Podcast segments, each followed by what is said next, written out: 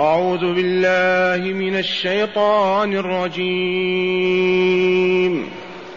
وهو الذي يرسل الرياح بشرا بين يدي رحمته حتى إذا أقلت سحابا ثقالا سقناه لبلد ميت سقناه لبلد ميت فأنزلنا به الماء فأخرجنا به من كل الثمرات.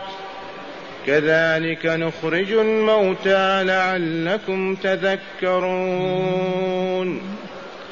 والبلد الطيب يخرج نباته بإذن ربه والذي خبث لا يخرج إلا نكدا كذلك نصرف الآيات لقوم يشكرون. معاشر المستمعين والمستمعات من المؤمنين والمؤمنات قول ربنا جل ذكره وهو الذي يرسل الرياح بشرا بين يدي رحمته. أذكركم بالآية التي مرت بنا أمس وعشنا في أنوارها ساعة وهي أنه لا يدعى ولا يطلب منه حاجة إلا الله وأن هذا الدعاء له آدابه. من آدابه أن يكون الداعي مختفيا عن أعين الناس وأن يكون صوته منخفضا وأن يكون متضرعا وآية تضرعه نغم صوته ثم سيول دموعه واقشعرار جلدته. ادعوا ربكم تضرعا وخفيا. ومن الدعاء الذي ينبغي ألا يدعوه مؤمن هو دعاء غير الله عز وجل. أو هو دعاء الله فيما لم تجر به سننه في إعطائه للداعي.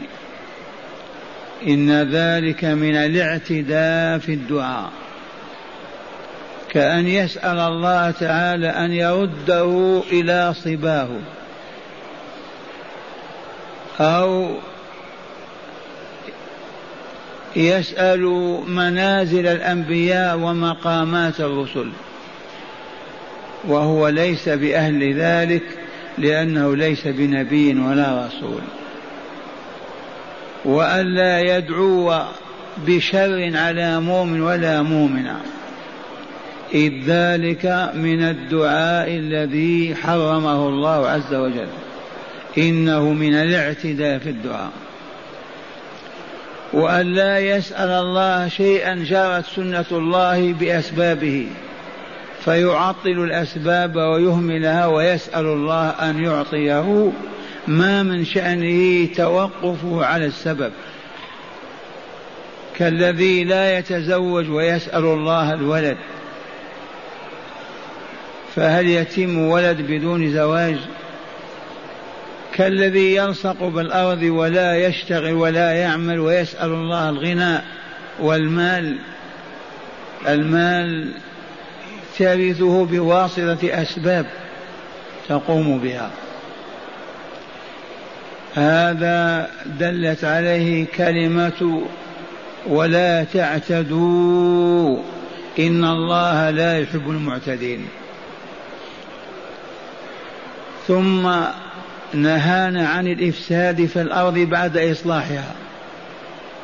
فالمسلم في ديار الإسلام بعدما أصلحها الله بالإيمان والتوحيد لا يحل له أبدا أن يفسد فيها بكفر ولا بشرك.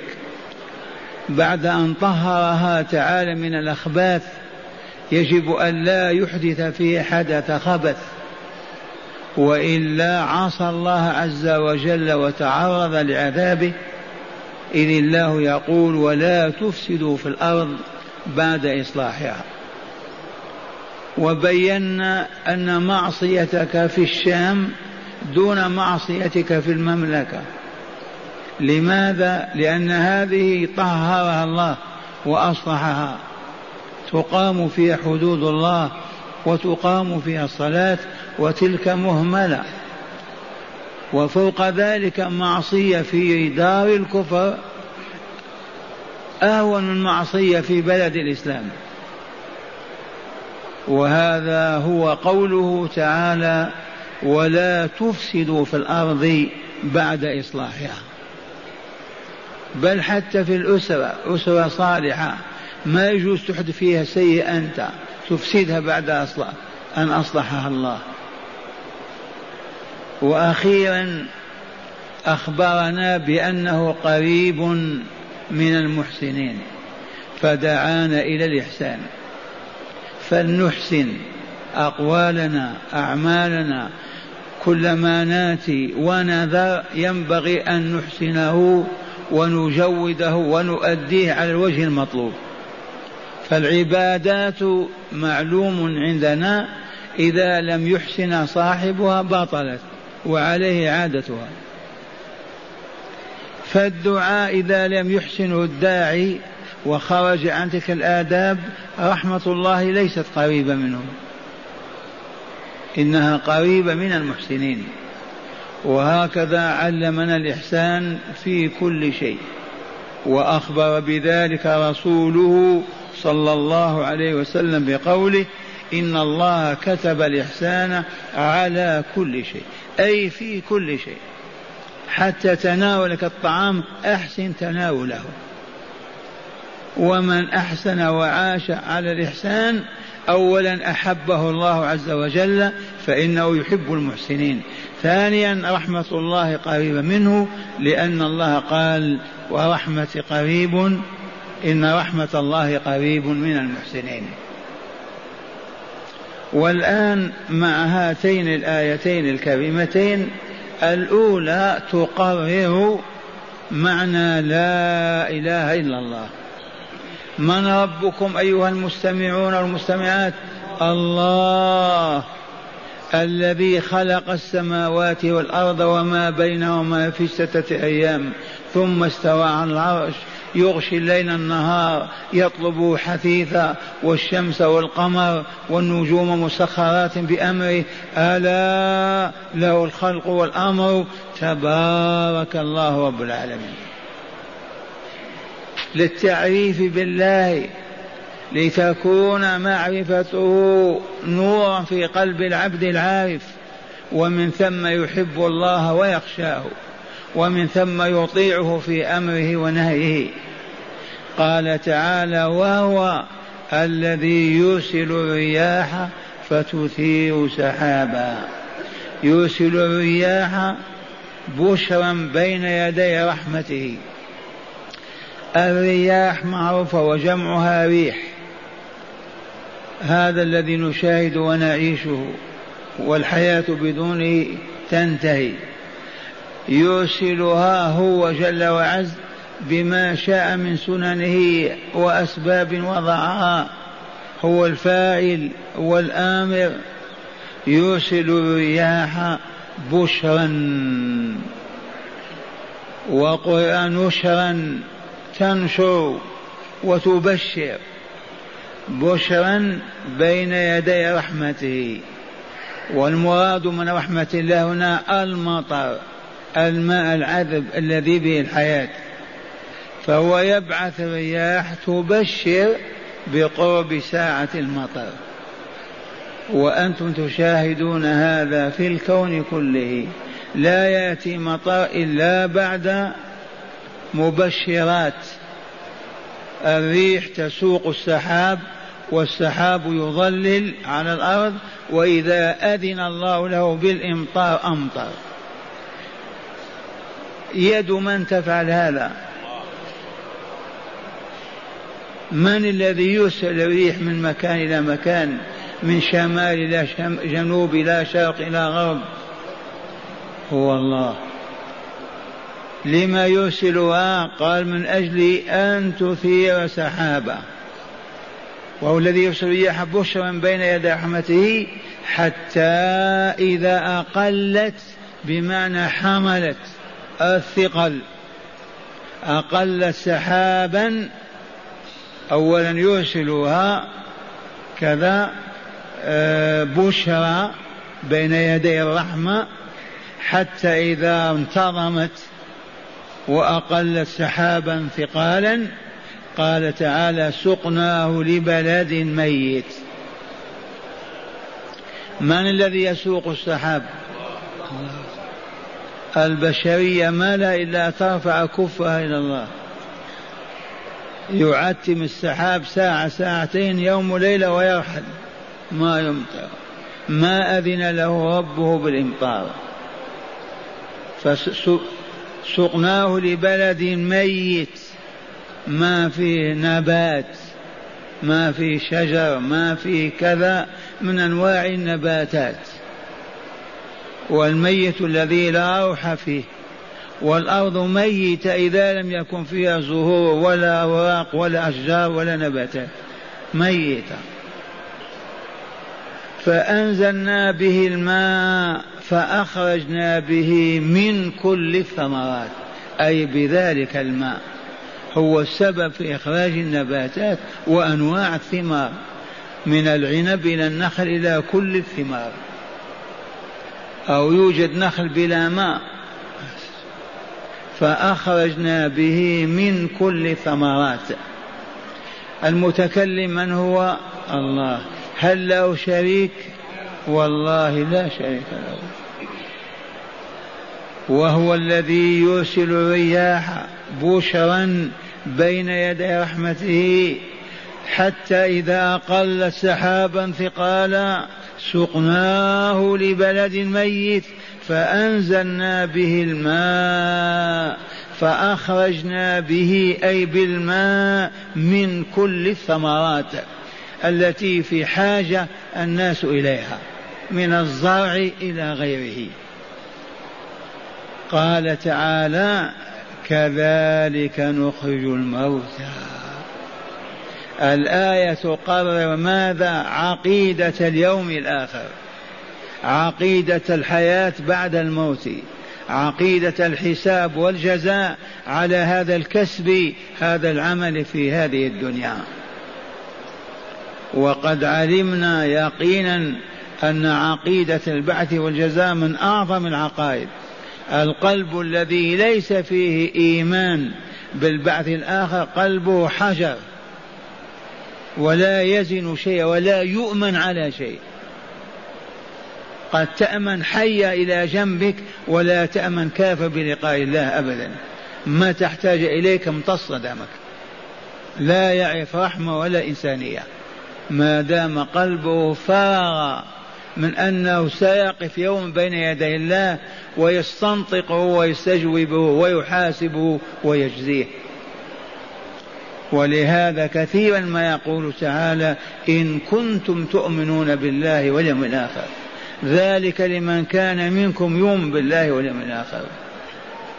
فهذه الآيات الكونية ساقها ليدلل بها على أن الله يحيينا بعدما نفنى ونموت كما تفنى النباتات والأشجار إذا انقطع عنها الماء ثم يأتي بالماء فتحيا فكذلك لما تتحلل البشرية وتصبح كلها ترابا يحييها الله عز وجل. وهنا لا بأس معلومة إضافية أن الحياة تنتهي وهي تتصرم وتنقطع يوما بعد يوم ونحن في آخر أيامها. هناك نفخة وهي النفخة الأولى نفخة الفناء.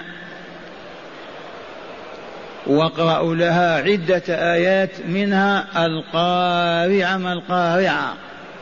وما أدراك ما القارعة؟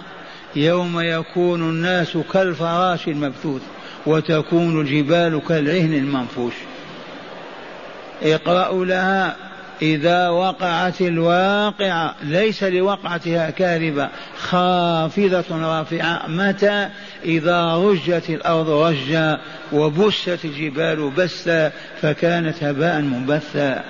إذا السماء انفطرت وإذا الكواكب انتظرت وإذا البحار فجرت. إذا الشمس كورت وإذا النجوم انكدرت وإذا الجبال سيرت. هذه آيات علامة نهاية الحياة. فتتحلل السماوات والأرضون وتصبح سديما أو بخارا كما كانت قبل خلقها. ثم تستقر تلك العوالم التي تتموج دخان وبخار وتسكن وتوجد بها أرض كهذه الصحيفة البيضاء. والعظيم الذي هو منبت الإنسان وهو عجب الذنب في آخر خرزات الظهر ذاك بحمد الله يبقى في الهواء تبهتم ويستقر لما تستقر الأرض وتسكن. بذرة حياتنا التي نحيا بها كبذرة النخلة في النواة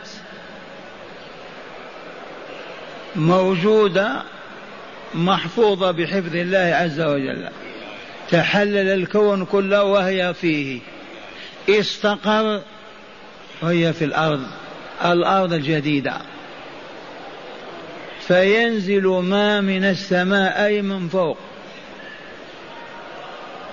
فننبت كما ينبت البقل. أرأيتم رأس البصل رأس اللفت الخردل كيف ينبت؟ بذرته كم؟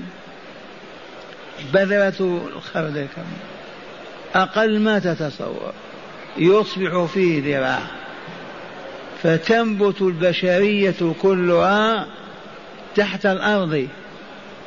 فإذا تم خلقها كما كانت كما كانت وإلا لا. الآن النواة لما تغرسها من التمرة توجد نخلة كما كانت وإلا تختلف؟ آه؟ نخلة كما كانت. أية بذرة من البذور تكون كما كانت وإلا لا؟ فكذلك بذرة الإنسان عجب الذنب ينبت الإنسان كما كان ثم ينفخ إسرافيل بأمر الله النفخة الثانية فترسل الأرواح بعضها في السماء وبعضها في دركات السفلى من الكون. فتدخل كل روح في جسدها. ثم ينفخ النفخة الثانية فإذا البشرية كلها قائمة. والشاهد عندنا في هذه الآية الكريمة وهي تقرر مبدأ البعث الآخر والحياة الثانية. ويبين لنا تعالى حتى ما نستبعد أو نستغرب أن الله عز وجل ينشئ السحاب ويسوقه إلى الأرض الميتة وينزل المطر وتنبت الأرض بعدما كانت ميتة ما فيها شجر ولا نبات. فتحيا بواسطة النباتات الأولى ولا لا البذور الأولى موجودة في التراب. فتنبت وتصبح الأرض زاهرة. زاخرة بالنباتات. هكذا يقول تعالى فأخرجنا به من كل الثمرات كذلك نخرج الموتى لم تعجبون أو تكفرون بالبعث والحياة الثانية. كهكذا نخرج الموتى وقال لعلكم تذكرون. أي ساق هذه الآية الكريمة علنا نذكر ونتراجع. ونحمد الله ونؤمن به. لا نكفر بلقائه والعياذ بالله.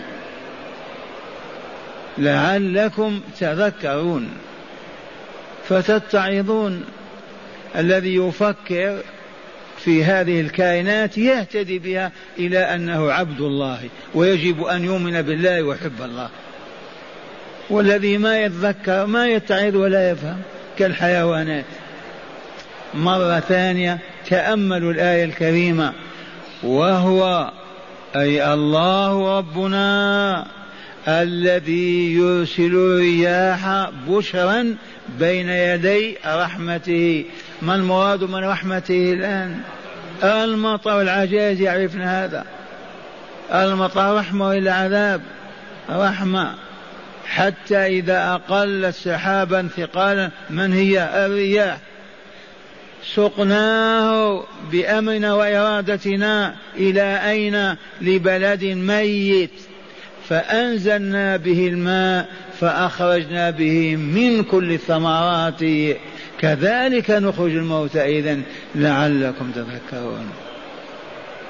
الآية الثانية يقول تعالى والبلد الطيب يخرج نباته بإذن ربه.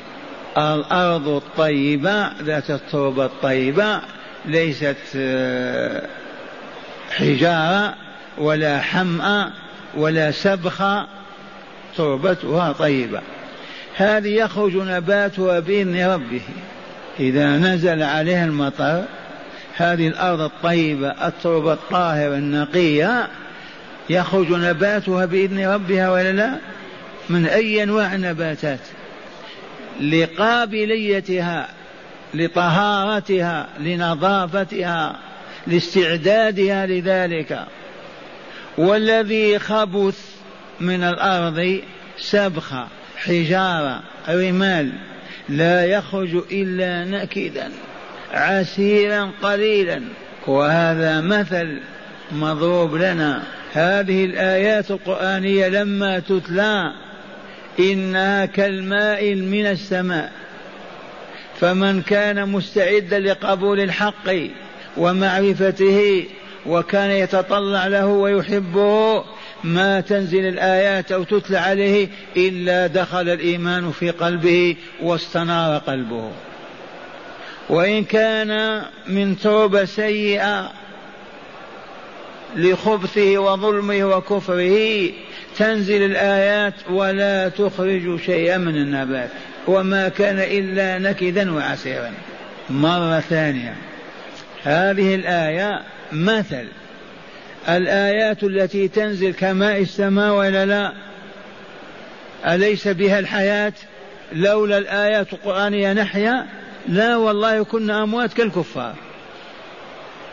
فالآيات التنزيلية بمثابة المطر. الذي يحيي الأرض بعد موتها. هذا الماء ينزل في الأرض والأرض ليست على جنس واحد أو على نوع واحد. فمن كانت تربتها نقية نظيفة صالحة على الفر أنبتت وحصد الناس الزرع. وإن كانت حجارة أو سبخة أو حمأة ما تنبت قليلا ولا كثيرا. وإن أبت شيء أنبتت شيئا بعسر وضيق. قال تعالى كذلك نصرف الآيات لقوم يشكرون. ولهذا القرآن يحتاج إلى عقول وفهوم ويحتاج إلى تدبر وإلى تأمل ويحتاج قبل كل شيء إلى الإيمان بأنه كلام الله ووحيه وتنزيله. وبذلك يكسب العبد ويستفيد. اسمعوا الآية والبلد الطيب. يخرج نباته بإذن ربه. ومعنى هذا هدايتنا من الله لا من ذكائنا وفطنتنا ولا من أصول آبائنا وأجدادنا ولكنها منة الله علينا. إن آمنت أنت فمثلك ملايين ما آمنوا والهداية بيد الله. إياك نعبد وإياك نستعين اهدنا. الصراط المستقيم. والبلد الطيب يخرج نباته بإذن ربه. والذي خبث أي من الأرض من البلد خبث ملح سبخ حجارة لا يخرج نبات إلا ناكدا أي عسيرا قليلا. وذلك لأن هذا الإنسان قلبه واستعداده معدوم. تقرأ عليه الآيات يضحك أحيانا ويسخر تذكر بها ما يذكر أبدا ولا يخطر بباله بعث ولا جزاء ولا حساب ولا جنة ولا نار. وذلك لفساده. قال تعالى كذلك نصرف الآيات كهذا التصريف. ما ضرب الأول المثل في بيان البعث الدار الآخرة والآن مثلا في قبول الإيمان وعدمه. كالماء ينزع على الأرض الطيبة على الفور تنبت ينزع على الأرض السابقة ما تنبت إلا قليلا وما ينتفع بها. كذلك أجسام البشر وقلوبهم. مرة ثانية يقول تعالى والبلد الطيب يخرج نباته بإذن ربه. والذي خبث لا يخرج إلا نكدا. كذلك نصرف الآيات لقوم يشكرون قولوا اللهم اجعلنا من الشاكرين. لاحظ العبد الصالح الطيب الطاهر إذا سلمت عليه فرح بسلامك. إذا أعطيته درهم يكاد يعبدك. إذا قلت كلمة طيبة فرح بها لأنه متهيأ للشكر. والذي انعدم فيه هذا الروح وأصبح لا يعرف الشكر للإحسان والفضل ما شكر الله على خلقه له ولا على ما وهبه إياه. فهل ينتفع بهذه الآيات؟ الجواب لا. لا ينتفع بآيات القرآن إلا من كان طيب القلب طاهر النفس مهيأ لذلك. إذا سمع الآيات أنبتت على الفور خوف الله وحب الله في نفسه. وإذا كان خبيثا منتنا متعفنا كالأرض الخبيثة ما ينتفع. كذلك نفصل الآية لقوم يشكرون. من هو الشاكر؟ ذاك الذي متهيئ للشكر. لا يعرف الكفر ولا إنكار الفضل والإحسان. وأي كفر أعظم من أن ينكر الإنسان وجود ربه وخالقه وهو خلقه.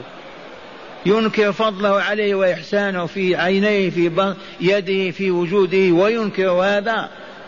هذا كالأرض السابقة كأخبث الأرض. اسمعوا الآيتين مرة ثانية وتأملوا. وهو الذي يرسل الرياح بشرا بين يدي رحمته. عرفتم رحمة الله هنا؟ المطر. حتى إذا أقل سحابا ثقالا. في السحاب الثقيل والخفيف وإلا ثقالا سقناه. يد الله التي تسوقه لبلد ميت فأنزلنا به الماء فأخرجنا به من كل الثمرات. كذلك نخرج الموتى لعلكم تذكرون. هكذا يحيي الموتى ولا لا؟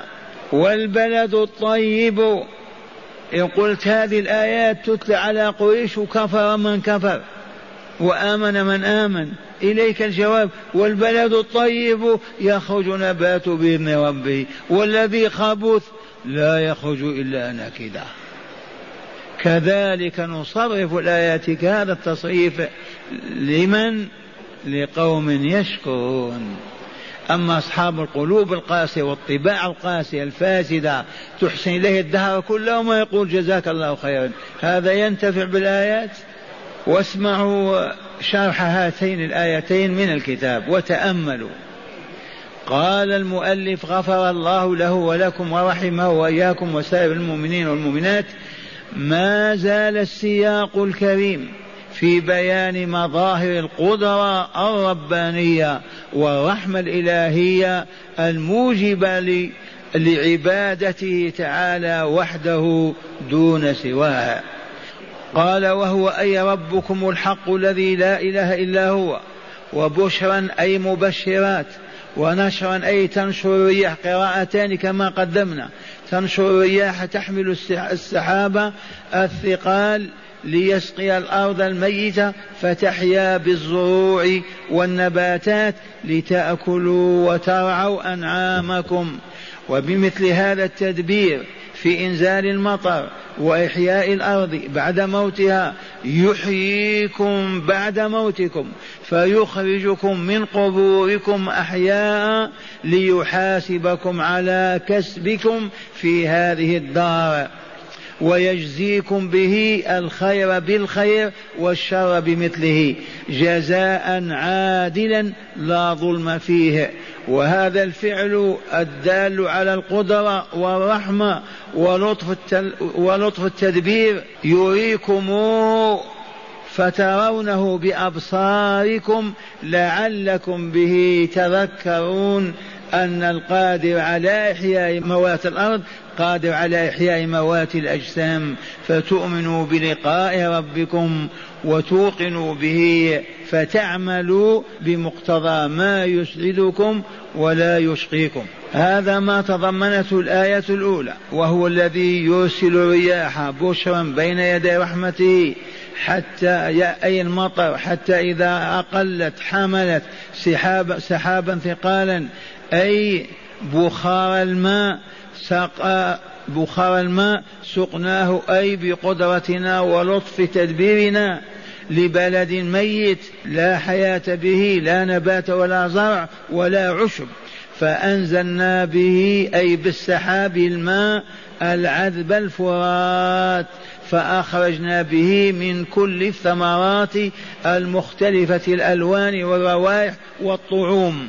كذلك نخرج الموتى كهذا الإخراج للنبات من الأرض الميتة نخرج الموتى من قبورهم وعملنا هذا نسمعكم إياه ونريكموه بأبصاركم رجاء أن تذكروا فتذكروا أن فتذكر أن القادر على إحياء الأرض قادر على إحياء الموتى. رحمة منا بكم وإحسانا منا إليكم. أما الآية الثانية فقد تضمنت مثلا ضربه الله تعالى للعبد المؤمن والكافر إثر بيان قدرته على إحياء الناس بعد موتهم. فقال تعالى والبلد الطيب أي طيب التربة. يخرج نباته بإذن ربه. وذلك بعد إنزال المطر به. وهذا مثل العبد المؤمن ذي القلب الحي الطيب. إذا سمع ما ينزل من الآيات يزداد إيمانه وتكثر أعماله الصالحة. كالأرض الطيبة إذا نزل بها المطر. والذي خبث أي والبلد الذي تربته خبيثة سابخة أو حمأة عندما ينزل به المطر لا يخرج نباته إلا نكدا عسرا قليلا قليلا غير صالح ولا نافع. وهذا مثل الكافر عندما يسمع الآيات القرآنية لا يقبل عليها ولا ينتفع بها. في خلقه ولا في سلوكه فلا يعمل خيرا ولا يترك شرا. وقوله تعالى كذلك نصرف الآيات أي ببيان مظاهر قدرته تعالى وعلمه وحكمته ورحمته وضرب الأمثال وسوق الشواهد والعبر.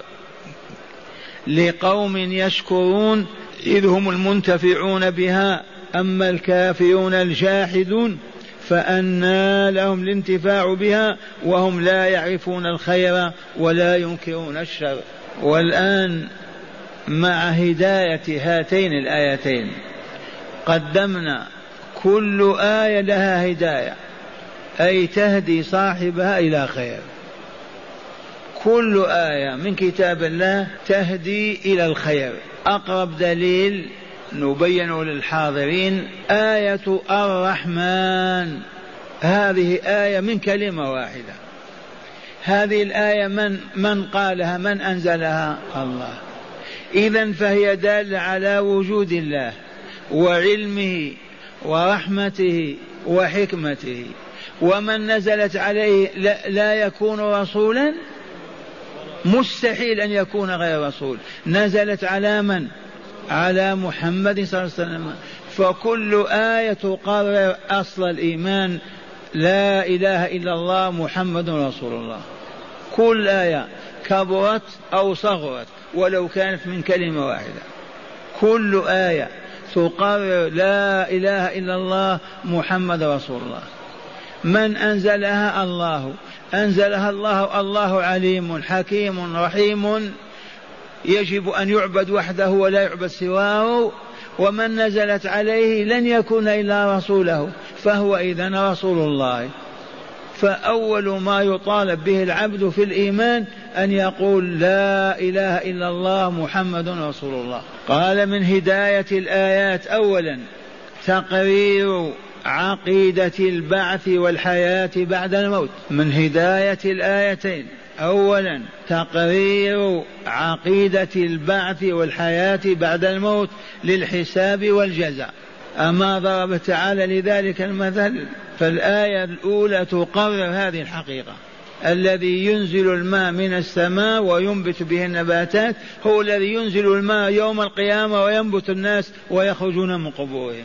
هذه كتلك بلا نزاع. تقرير عقيدة البعث والحياة بعد الموت. من أجل الحياة لماذا الحياة بعد الموت؟ ما فائدتها؟ ما علتها؟ إذا معشر المستمعين لو سئلنا عن علة وجودنا عن علة الحياة هذه ما سبب وجودها؟ الجواب والله العظيم من أجل أن نعبد الله تعالى. وما خلقت الجن والإنس إلا ليعبدوني يا ابن آدم لقد خلقت كل شيء من أجلك وخلقتك من أجلي. إذا علة هذه الحياة معلومة ولا لا؟ علة الحياة الثانية لماذا؟ للجزاء والحساب على العمل الدنيا. هذه وحدها كافية. والله خير من خمسين ألف ريال. بلايين البشر ما عرفوا هذا. عرفنا علة الحياتين وإلا لا؟ ما علة الحياة الأولى؟ العبادة التي يجزين بها. الحياة الثانية لماذا؟ ليجزينا على عملنا هذا إما في جنات النعيم أو في العذاب الأليم. تقرير عقيدة البعث والحياة بعد الموت للحساب والجزاء إذ هي من أهم أركان الإيمان. ما أركان الإيمان الستة أهمها بعد الإيمان بالله ورسوله البعث والجزاء عقيدة الإيمان باليوم الآخر. ثانيا الاستدلال بالحاضر على الغائب وهو من العلوم النافعة. العقلاء يستدلون بالحاضر على الغائب بالقياس. منين أخذنا هذا استدللنا على البعث والحياة الثانية بالحياة الأولى. الماء يسوقه الله بواسطة السحب وينزل الماء وتنبت النباتات. إذا فالحياة الثانية كذلك استدللنا بها بهذه. ينزل الله تعالى على الأرض الجديدة بعد ما تستقر ما من السماء وننبت كما تنبت النباتات. ورسوله الذي بين هذا كما ينبت البقل. ثالثا حسن ضرب الأمثال لتقريب المعاني إلى الأذهان وما زال حتى العوام يضربون الأمثال لأن المثل يقرب المعنى البعيد لذهن السامع. المثل صورة صفة لشيء غايب يصبح كأنه أمامه. أقول الأمثال تضربها العامة لتقرب المعاني من أذهان السامعين. يقول رأيت كذا وكذا ليفهم الناس. والشاهد عندنا حسن ضرب الأمثال لتقريب المعاني في أذهان الناس. والله ضرب مثل الماء ينزل من السماء وتنبت الأرض ضربه للإحياء والحياة بعد الموت. رابعا فضيلة الشكر وهو صرف النعمة فيما من أجله وهبها الله تعالى للعبد. أما قال لعلكم لقوم يشكرون وإلا لا؟ هنا معاشر المستمعين والمستمعات الشكر يكون لله عز وجل. كيف تكون يا عبد الله شاكرا؟ اولا أن تعترف بالنعمة في قلبك لمن أنعم بها عليك. أول خطوة أن تعترف في نفسك بالنعمة التي هي بين يديك. لمن أنعم بها عليك. الاعتراف بالقلب بالنعمة لله عز وجل سواء كانت نعمة السمع أو البصر أو الولد أو الحياة أو ما إلى ذلك وما أكثر النعم نعيش فيها. لا بد لتكون شاكرا أن تعترف بها أولا لله ثم تحمده عليها بقولك الحمد لله. على سبيل المثال بين يديك قصعة الطعام. قبل ما تتناول الطعام يجب أن تعرف أن هذه النعمة من الله. فإذا عرفت هذا بقلبك لم يسعك إلا أن تقول الحمد لله. إذا الاعتراف بالقلب في النفس بالنعمة لمن أنعم بها عليك. ثم حمده بكلمة الحمد لله أو بكل كلمة دالة على الثناء عليه. ثم صرف تلك النعمة فيما يحب أن تصرف فيه. لنضرب لذلك الدرهم. الدرهم من وهبكه الله. أقررت بهذا؟ نعم. قول الحمد لله الحمد لله. إذا اصرف هذا الدرهم فيما يحب الله لا فيما يكره الله. فإن أنت ما اعترفت به لله كفرت. فإن أنت لم تحمده كفرت نعمته. فإن أنت أصرفته فيما يغضبه أسخطته وحاربته. وما أنت من الشاكرين. فلكي نكون شاكرين نعترف في قلوبنا بنعم الله علينا. ثم نحمده عليها ونثني بها عليها. ثم ننفقها أو نصرفها كما يحب هو. أي لا ننفق نعمة الله نعمة البصر. يجب ألا تنظر حاسدا وألا تنظر نساء المؤمنات معتديا عليهن. هذه نعمة الله عليك. احمد الله على بصرك لكن لا تنظر به ما حرم عليك. نعمة اللسان نعمة من أعجب النعم. كيف هذه اللحمة تنطق؟ هذه النعمة العظيمة. إياك أن يراك الله تقول بها كلمة تغضبه فتصف نعمته في غضبه. يدك ورجلك وهبك هذه النعمة فلا يراك الله تمد يدك ظالما معتديا. ولا يراك ماشيا إلى حرام أو إلى باطل تمشي برجليك. فلا يكون العبد شاكرا لله إلا إذا اعترف أولا بقلبه بنعم الله ثم حمده عليها وأثنى به عليها ثم صرفها في محابه ومرضاته. وإلا ما هو من الشاكرين.